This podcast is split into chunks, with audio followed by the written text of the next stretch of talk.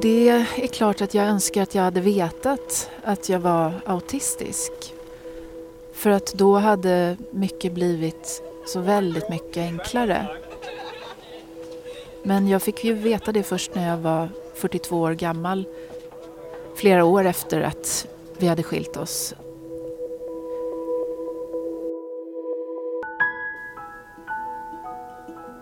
I programmet Det finns något förlåtande i att få en diagnos så får vi möta journalisten stockholmaren Klara Törnvall. Hon är en av många kvinnor som rätt sent i livet fått diagnosen autism. En diagnos som Törnvall hade behövt långt tidigare. Då hade bland annat hennes skilsmässa kanske gått att undvika. I sin bok Autisterna om kvinnor på spektrat säger hon att det finns dagar då hon som mest ångrar den skilsmässan. Välkommen till Dokumenterat, säger jag Mi Vegelius.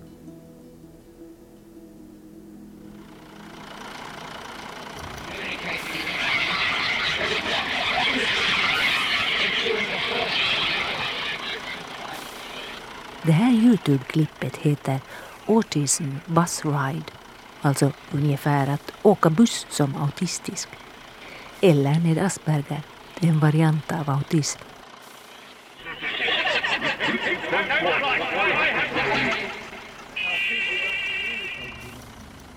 Men kan det alltså faktiskt vara så här illa under en bussresa för Klara Törnvall? Ja, det är faktiskt det. För mig åtminstone och för många andra autistiska personer. Man är överkänslig mot sinnesintryck och det kan vara starkt ljus, höga ljud, starka dofter.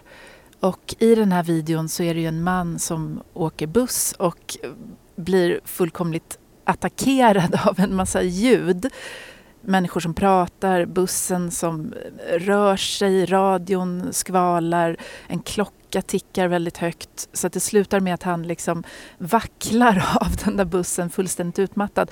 Och, och så är det de dagar som jag är extra ljudkänslig.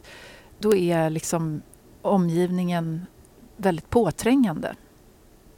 Men samtidigt har du i ditt arbete som radioproducent väl en nytta av din ljudkänslighet och, och förmågan att uppfatta detaljer? Jo, men det har jag. Och det är ju väldigt bra i mitt jobb att höra skiftningar och förändringar i ljudnivå väldigt tydligt och eh, klipp som inte fungerar. Så att jag kan använda mig av min ljudkänslighet i mitt arbete.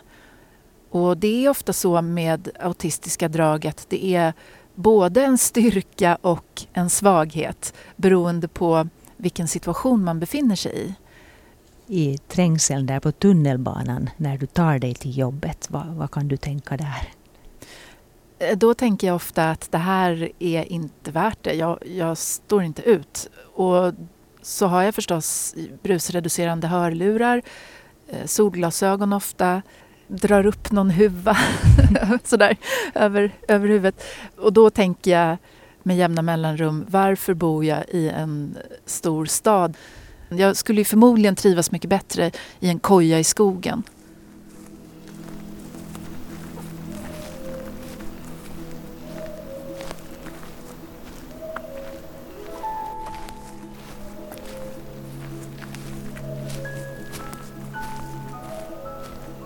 Klara Törnvall berättar att det händer att hon möts av kommentarer i stil med att alla människor är väl lite autistiska. Enligt henne är det ett missförstånd eftersom diagnosen autism kräver att man har fått en neuropsykiatrisk diagnos, ett autismspektrumtillstånd som det kallas och i vilket flera sinsemellan olika kriterier bör uppfyllas. Men i dagligt tal så menar man, tror jag, ofta när man säger autistisk så tänker man på en inbunden, eh, reserverad person som är uppe i, i sig själv på något sätt. Och det är inte hela bilden av autism utan det är en del av det. Förutom att man kan vara då överkänslig för sinnesintryck så är det bland annat att man ska vara rutinbunden. Man har ofta specialintressen, alltså projekt man brinner för. Så som till exempel klimataktivisten Greta Thunberg när det gäller klimatfrågor. Så tolkar man det som folk säger bokstavligt och missar ofta undertext. Även om man själv inte lider av lägre empatisk förmåga så kan man ha svårt med att dra slutsatser om andras avsikter. Att förstå socialt samspel och det som man kallar theory of mind. Alltså bland annat att så att säga kunna ha en teori om vad som försiggår i en annans medvetande. Dessutom har personer med autism ofta ett fokus på detaljer i högre grad än på sammanhang.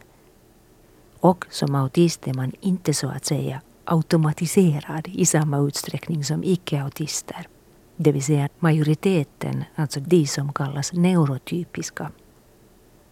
Det att Törnvall inte är så automatiserad, det innebär bland annat det här för henne. När det gäller vissa praktiska sysslor så är det för mig ofta som att jag gör dem för första gången. Det kan vara allt från att sätta på diskmaskinen till att eh, låsa ytterdörren. Det, trots att jag har liksom tusentals timmar av bakomliggande erfarenhet, jag har gjort det här jättemånga gånger, så måste jag varje gång tänka efter. Hur, hur var det man gjorde det här nu igen? Det, det sker inte automatiskt. Och det beror på att man använder den del av hjärnan som löser problem intellektuellt. Man tänker sig fram istället för att det går på automatik eh, som det gör för den som inte är autistisk. Det är några sådana.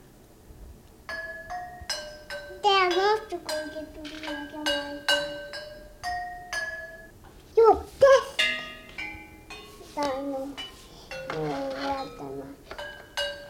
och hur fanns det här då med dig i din barndom? Alltså då visste du förstås inte att det var frågan om autism. Men hur var det? Jag började egentligen känna mig annorlunda och känna ångest någon gång sådär kring puberteten. Eh, när jag var barn då kunde jag ägna mig åt mina specialintressen i lugn och ro. För det är också någonting som vi förväntar oss av barn. Att de, de ska sitta och leka intensivt eller vara upptagna av någonting.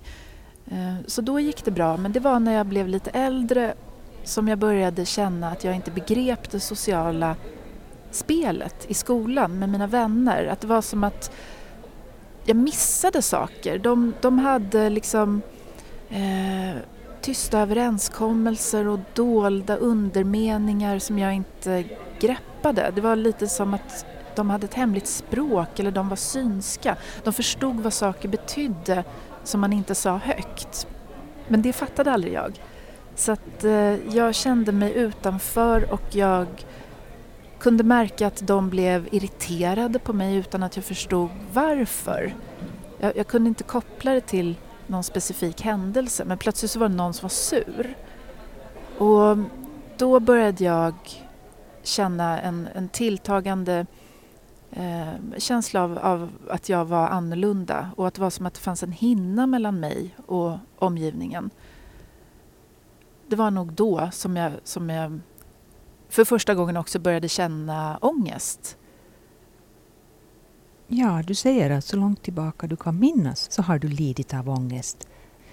Hur skulle du beskriva den här ångesten? Den sitter i magen. Den är som ett, eh, ett hål i magen.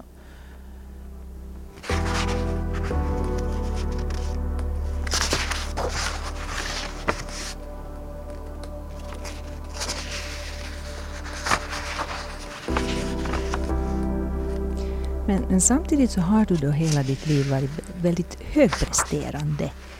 Hur förklarar du det? Det gick bra för mig i skolan. Jag älskade att läsa böcker. Det var det jag gjorde. Jag, jag satt och läste hela tiden. Och eh, jag gick också i en skola på 80 och 90-talet som såg annorlunda ut än skolan gör idag. Jag tror att det var lite lätt lättare då faktiskt. Därför att då premierades den här inlärningen när man liksom bara eh, proppar in saker. Man, man lär sig utan till och man, man pluggar in fakta. Och eh, idag så är ju lärandet mycket mer fokuserat på att barnen ska förklara hur de gjorde för att lösa en uppgift eller de ska resonera kritiskt. Och Eh, det hade nog passat mig mycket sämre. Jag, jag, tror att den typen av lärande är väldigt svårt för barn med autism eller ADHD.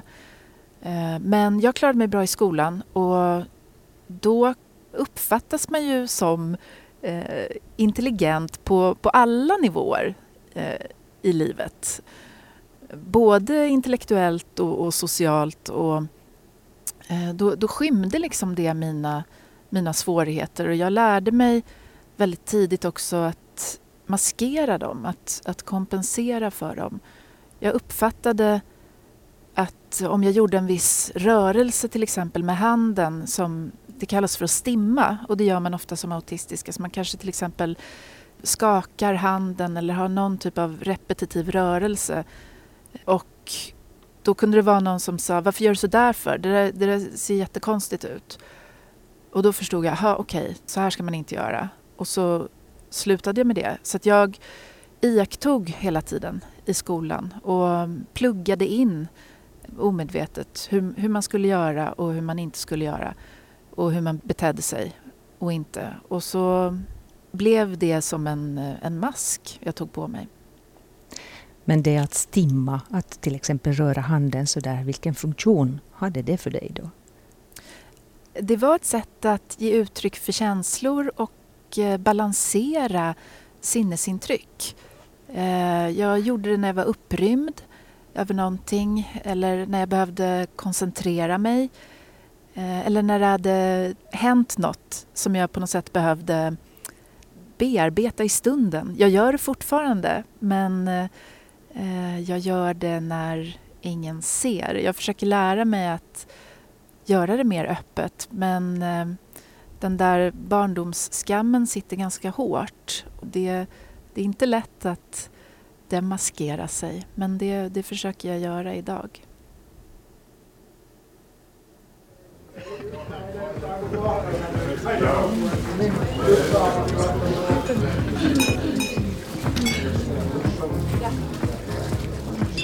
Som ung vuxen så då har jag förstått att du blev lite vild.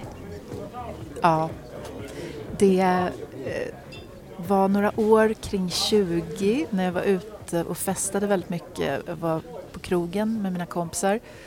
Och det hör ju också till åldern men jag tror att eh, de som festar så mycket som vi gjorde är ju nästan alltid på flykt från någonting. Och för min del så var det att när jag drack alkohol så förändrades de sociala spelreglerna. Då var det plötsligt okej okay att bete sig konstigt, säga konstiga saker. För att det gjorde alla. De var ju brusade. Och då kände jag mig mer avslappnad. Då kunde jag vara mer mig själv utan att behöva tolka så intensivt eller, eller känna mig fel. Jag var aldrig i riskzonen för något missbruk men jag vet att det är så att eh, för de som är missbrukare så finns det en stor andel som har en neuropsykiatrisk diagnos i botten. ADHD eller autism, ADD och man självmedicinerar. Och det är ju så att om man inte tolkar omgivningen på samma sätt som majoriteten så är det ångestskapande. Och då ja, ofta kan, kan skaffa sig ett sätt att komma bort från den där känslan. Du skriver så där lite drastiskt att, att jag älskade att svepa drinkar och ramla ner från bardiskar.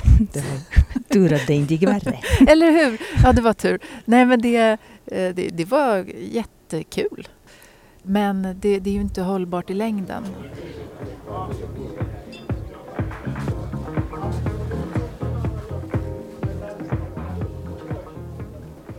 Vidare, så vad, vad föreställer du dig sen om ditt liv i en möjlig kommande kärleksrelation?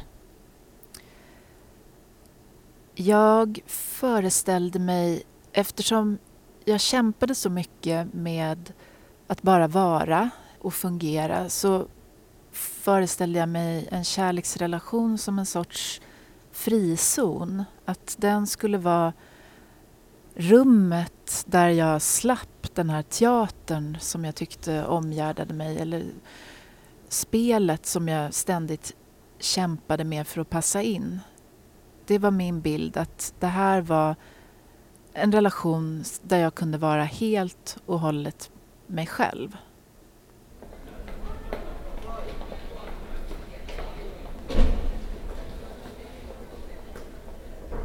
Och så möter du så småningom en man som du gifter dig med. Och hur blir er tid först? Vi träffades när vi var väldigt unga på universitetet och vi hade en jättefin första tid. Vi blev väldigt kära i varandra och varandras eh, själsfränder faktiskt. Vi eh, tyckte likadant om allt.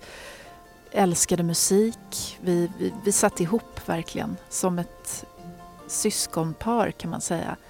Vi hade sån här väldigt kul intellektuellt utbyte och gjorde allt tillsammans. Det var väldigt mycket lek.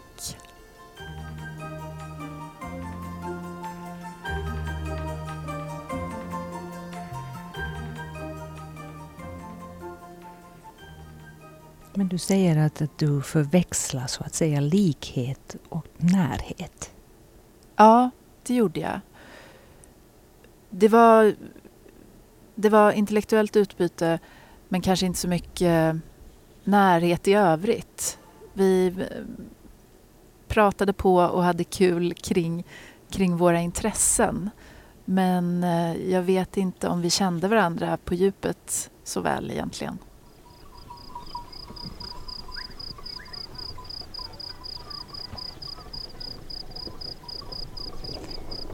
Och så är ni på en, en semesterresa i Italien när allt sen plötsligt har förändrats. På, på vilket sätt? Vi fick barn och eh, när vi skulle ta hand om vårt barn och bli vuxna ihop så fungerade det inte längre därför att eh, vi inte kunde leka. Livet ställde andra krav på oss. Och eh, för mig blev det så att att ta in ett barn också blev eh, för mycket. Jag har svårt att eh, växla mellan roller. Eh, alla övergångar tar tid för mig. Jag, jag, kan inte snabbt bli avbruten utan jag går väldigt intensivt upp i det jag håller på med i stunden. Och när jag tog hand om vårt barn så, så fanns det ingen energi kvar till någonting annat. Till vår relation eller till hemmet eller till någonting utöver det här lilla barnet. Och det ledde till att vi, jag och min man kom ifrån varandra. Vi, vi gled isär och eh, han fick ingen kontakt med mig. Jag tyckte att hans försök att, att ta sig in var, var störande avbrott.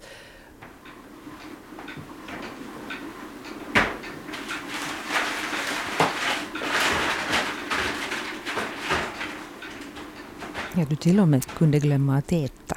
Ja, det, det kunde jag. Så att jag, jag tyckte liksom att, ja, vadå, ah, ska vi äta nu igen? Ja, gör, laga vad du vill. Ehm, jag eh, beskriver det som att jag rullade in mig i taggtråd och det, det var nog så. Så att eh, grälen blev fler och avståndet blev större. Jag visste ju inte att jag var autistisk och hade jag vetat det så hade jag ju kunnat säga till honom att det här klarar jag av, det här funkar mindre bra, det här kräver väldigt mycket energi. Kan vi göra så här? Kan vi tänka på det här sättet? Men, eh, men jag visste ju inte, jag bara stretade på. Och klarade det inte och det gick ut över honom.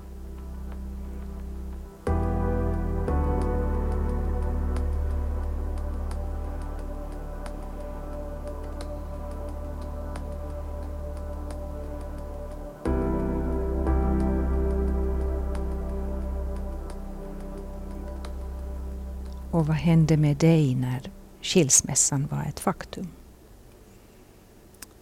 Jag blev alldeles eh, förstörd. Vi hade levt ihop så länge och eh, satt ihop. Vi hade också försökt väldigt länge utan att lyckas hålla ihop. Vi bara försökte och försökte och misslyckades och misslyckades. Så att jag blev eh, akut eh, knäckt och eh, deprimerad och eh, behövde psykologhjälp och fick eh, tillbringa en helg på psykiatrisk eh, avdelning, sån här heldygnsvård. För att jag blev alldeles knäckt. Och vad mötte du där? Ja, det var som en enda lång overklighet trots att det bara var två dagar. Det var väl bra att få akut hjälp i stunden men det var ju ingen där som förstod att jag var autistisk heller. Man trodde ju att jag var deprimerad och hade akut ångest och det hade jag ju också men orsaken var autismen. Problemet blir när de här så kallade sekundärsymptomen då ställer sig i vägen och man tror att, att det bara är en depression.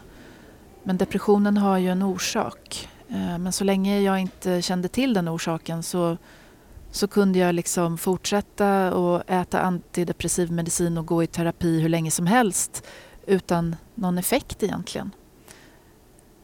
Och det var det som hände. Och eh, det är väldigt vanligt för autistiska personer att man, man tror att det här är någon som är eh, deprimerad eh, eller eh, missbrukar eller har problem med maten men eh, man förstår inte autismen i, i grunden hos personen. Och det har oftare, tror jag, drabbat kvinnor än män. Varför det?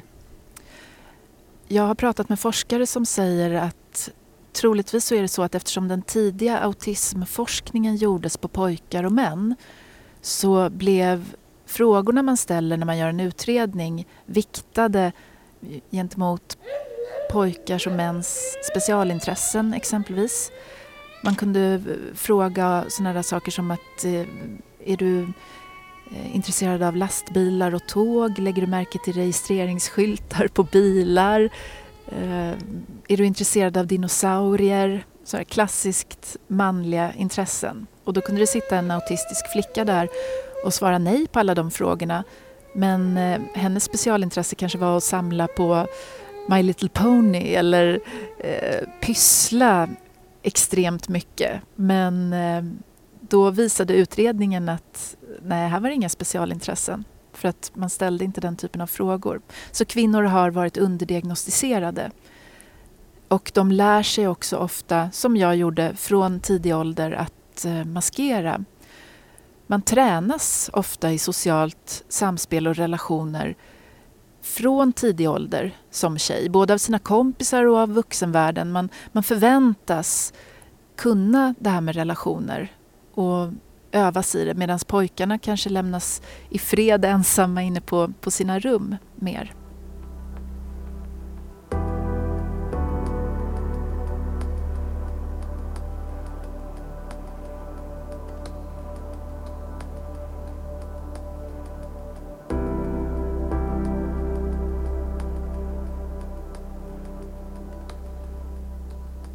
men vänner som sen frågar varför gick ni isär?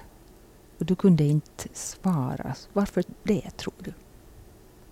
Jag visste inte själv. Vi bara krockade hela tiden. Vi grälade ständigt och jag förstod inte varför. Det var som en grundläggande kommunikations... Ett haveri. Vi, vi kunde inte föra ett, ett vanligt vardagssamtal om vad vi skulle äta till middag utan att bli oense. Och samtidigt förstod jag inte varför. För att jag kände mig inte arg på honom. Men det där är nog våra olikheter i grunden, tror jag, som visade sig. Han är inte autistisk, jag är autistisk. Och han kunde ofta säga till mig, ja men det där menar du inte, till exempel. Och jag tänkte alltid, jo, det är klart jag menade det. Varför skulle jag annars ha sagt det? Eller så kunde han säga om sig själv, det där förstår du väl att jag inte menade?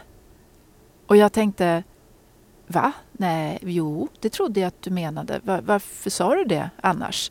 Så att vi, vi krockade på det där viset hela tiden. Och han kunde också säga, jag har aldrig varit så arg på någon i hela mitt liv som jag har varit på dig. Men egentligen har du inte gjort något. Och just den meningen stötte jag på i en annan bok av en författare med autism och ADD som skrev om att han i sina kärleksrelationer hade fått höra just det. Jag har aldrig varit så arg på någon som jag är på dig. Och, och det är någonting med det där grundläggande kring kommunikation och undertext som gör att man krockar. Det har gjorts experiment som visar att autistiska personer förstår ju varandra väldigt väl. Icke-autistiska personer förstår varandra. Men när de blandas, det är då, det är då krockarna uppstår. Ja, så Klara Törnvalls äktenskap spricker utan att hon och han riktigt förstår de bakomliggande orsakerna till det.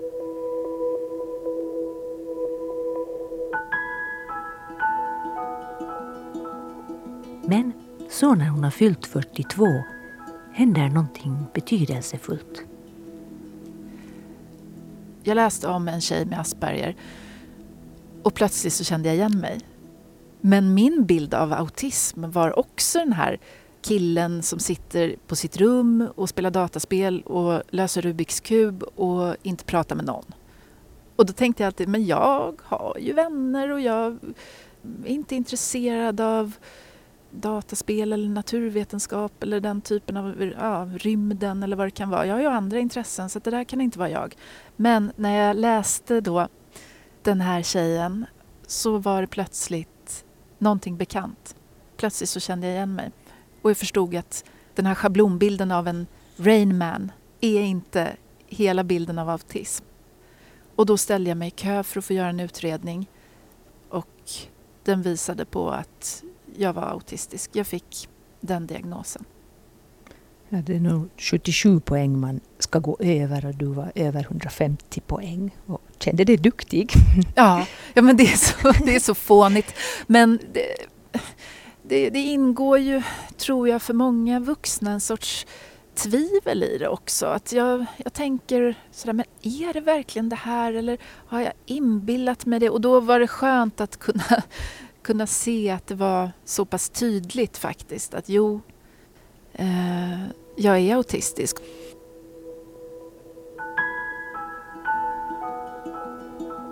Autismspektrat är väldigt brett den som behöver nästan inget stöd alls ger utredningen en etta. De med behov av lite mera stöd får två år.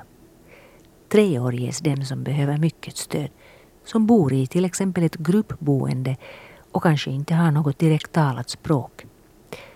Klara Törnvall fick en etta. Hon behöver alltså nästan inget stöd alls. Men vad betyder det då för henne att ha fått diagnosen bekräftad? Det den framförallt betyder är ju att den innebär ett svar och eh, att jag förstår mig själv nu. Och det tänker jag är så grundläggande för alla människor, att förstå sig själv. Så att det är ju livsförändrande, det har varit det för mig. Och jag har träffat och pratat med många som berättar samma historia om att få diagnos som vuxen att äntligen så faller bitarna på plats. Äntligen förstår man varför livet har varit som det har varit och vad som har varit svårt. Så att det är en otrolig lättnadskänsla. Jag är väldigt tacksam över att den här möjligheten finns. Och jag har också kunnat anpassa mig och blivit mycket snällare mot mig själv. Det finns något förlåtande i att få en, en diagnos. Då behöver jag inte längre känna mig misslyckad. Utan eh, jag kan förstå att nej, men, jag är inte dum eller lat utan det är faktiskt så att min hjärna fungerar lite annorlunda. Så att jag, jag har svårt med de här hushållssysslorna till exempel, eller att småprata. Men det beror inte på att jag är dålig. Så att det finns någonting stärkande i det också. Diagnosen gör ju också det att den kopplar samman olika sinsemellan olika svårigheter under samma rubrik. Jag har ju alltid vetat att jag tycker att det är jobbigt att titta människor länge i ögonen eller att jag har dåligt lokalsinne eller att jag tycker om att äta samma mat eh, varje dag. Men jag har inte förstått att de sakerna hör ihop med varandra och att det finns ett namn för det. Och det är det som diagnosen gör också.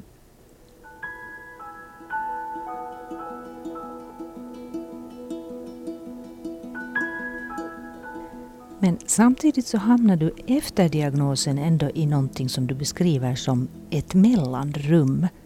Vad menar du med det?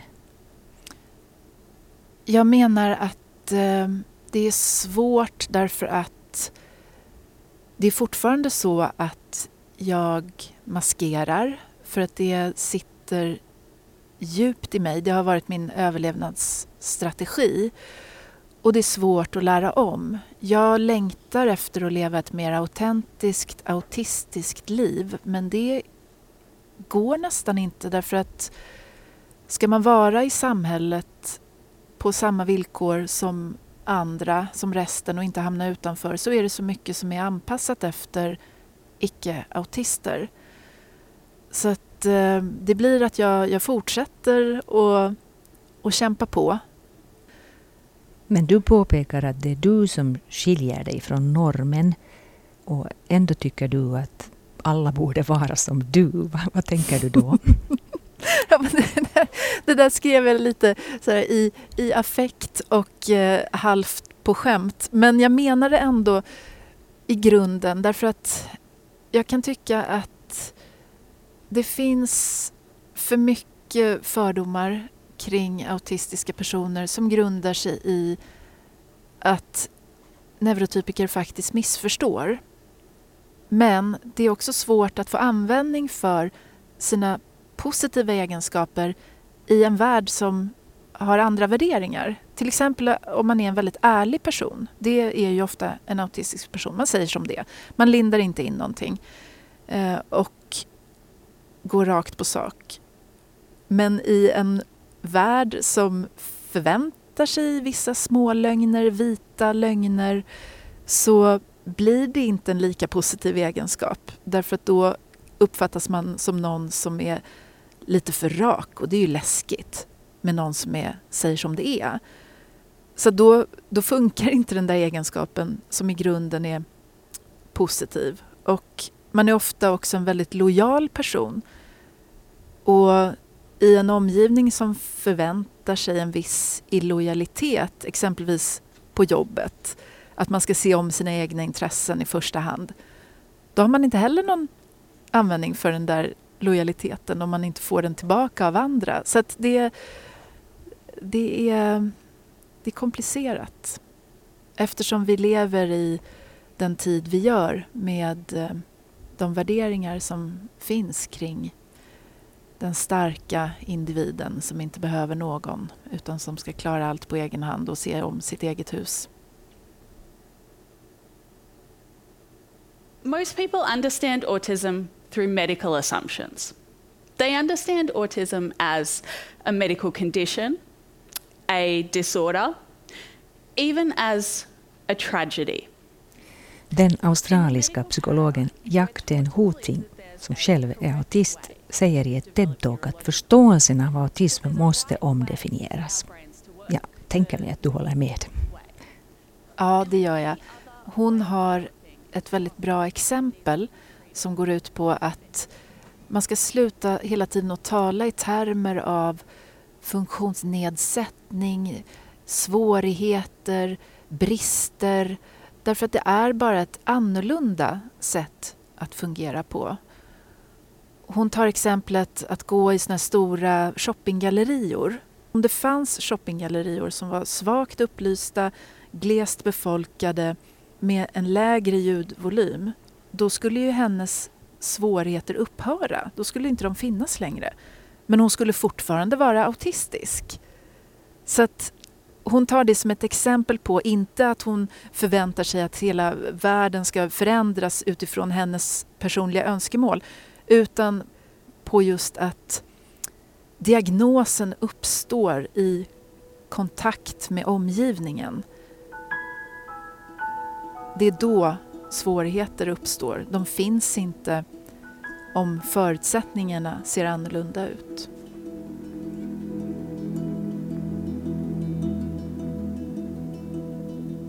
Till förutsättningarna hör då också medmänniskors så att säga goda förhållningssätt.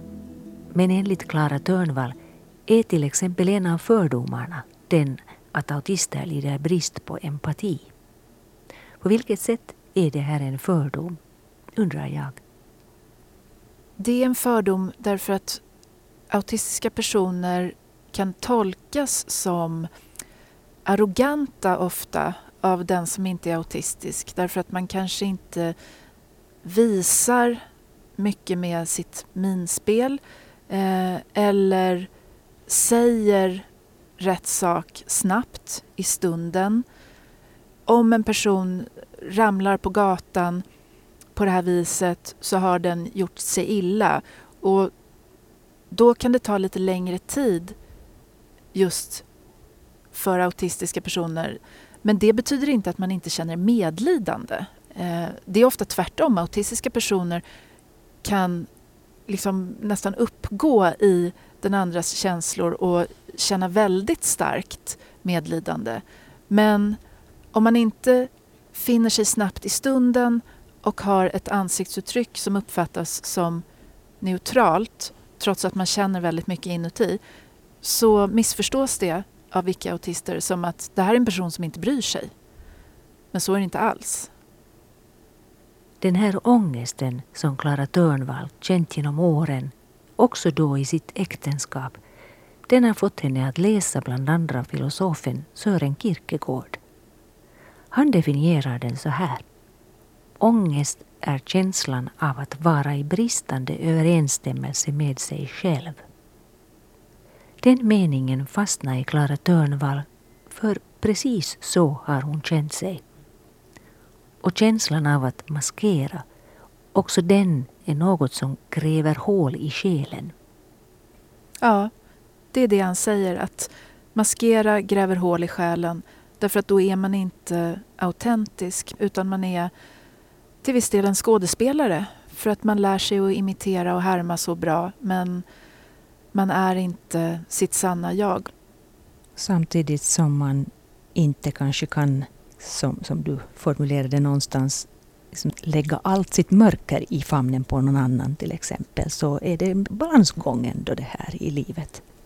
Ja, verkligen. Och det, mitt äktenskap, det var någonting som jag förstod då att eh, relationen var inte den här frizonen som jag trodde där jag skulle kunna få utlopp för all den här ångesten som jag inte förstod vad den berodde på. Jag la allt mitt mörker i knät på min exman och insåg sen att man kan inte göra så. Man måste även i en kärleksrelation spela lite teater. Det fattade inte jag. Man måste liksom anstränga sig och aktivt tänka på hur den andra känner sig. Det kanske låter som helt självklara insikter men eh, de kom sent för mig. Men spela lite teater låter eh, på något sätt negativt men, men jag förstår vad du menar. Ja, för mig är det negativt laddat därför att jag förknippar det med att inte vara sann mot sig själv. Men ehm, jag menar det i bemärkelsen av att ibland hålla tyst istället för att eh, visa all sin ångest för den andra. Man måste ta hand om varandra. Man kan inte vara vårdslös med relationen. Det finns dagar då du som mest ångrar skilsmässan, säger du. Vad är det du då bland annat ångrar? Jag eh, ångrade den då när jag skrev det, men det är ett tag sedan. Det jag menade då är att jag tyckte synd om oss och allt vårt fruktlösa försökande. Och det är klart att jag önskar att jag hade vetat att jag var autistisk. För att då hade mycket blivit så väldigt mycket enklare. Men jag fick ju veta det först när jag var 42 år gammal, flera år efter att vi hade skilt oss. Så det är ju på något vis en, en omöjlig tanke. Och eh, den här diagnosen eh, visste man nästan ingenting om när jag växte upp. Så att det är också en omöjlig tanke att önska sig att jag hade fått en diagnos som barn. Eh, men eh, jag kan ändå önska det för att mitt liv hade blivit lättare. Det är svårt att växa upp autistisk men det är ännu svårare att växa upp autistisk utan att veta om det.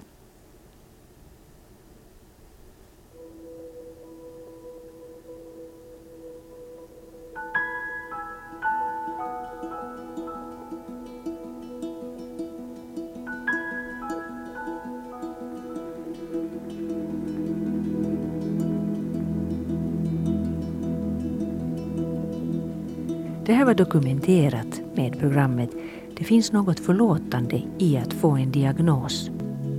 Journalisten Klara Törnvall berättade om sitt liv före och efter att hon fick diagnosen autism. En diagnos som hon hade behövt långt tidigare. Då hade bland annat hennes skilsmässa kanske gått att undvika. Klara Törnvall har skrivit boken Autisterna om kvinnor på spektrat Ljuddesignen här gjordes av Jyrki Häyrinen. Producent var Staffan von Martens. Redaktör är jag, Mi Begelius.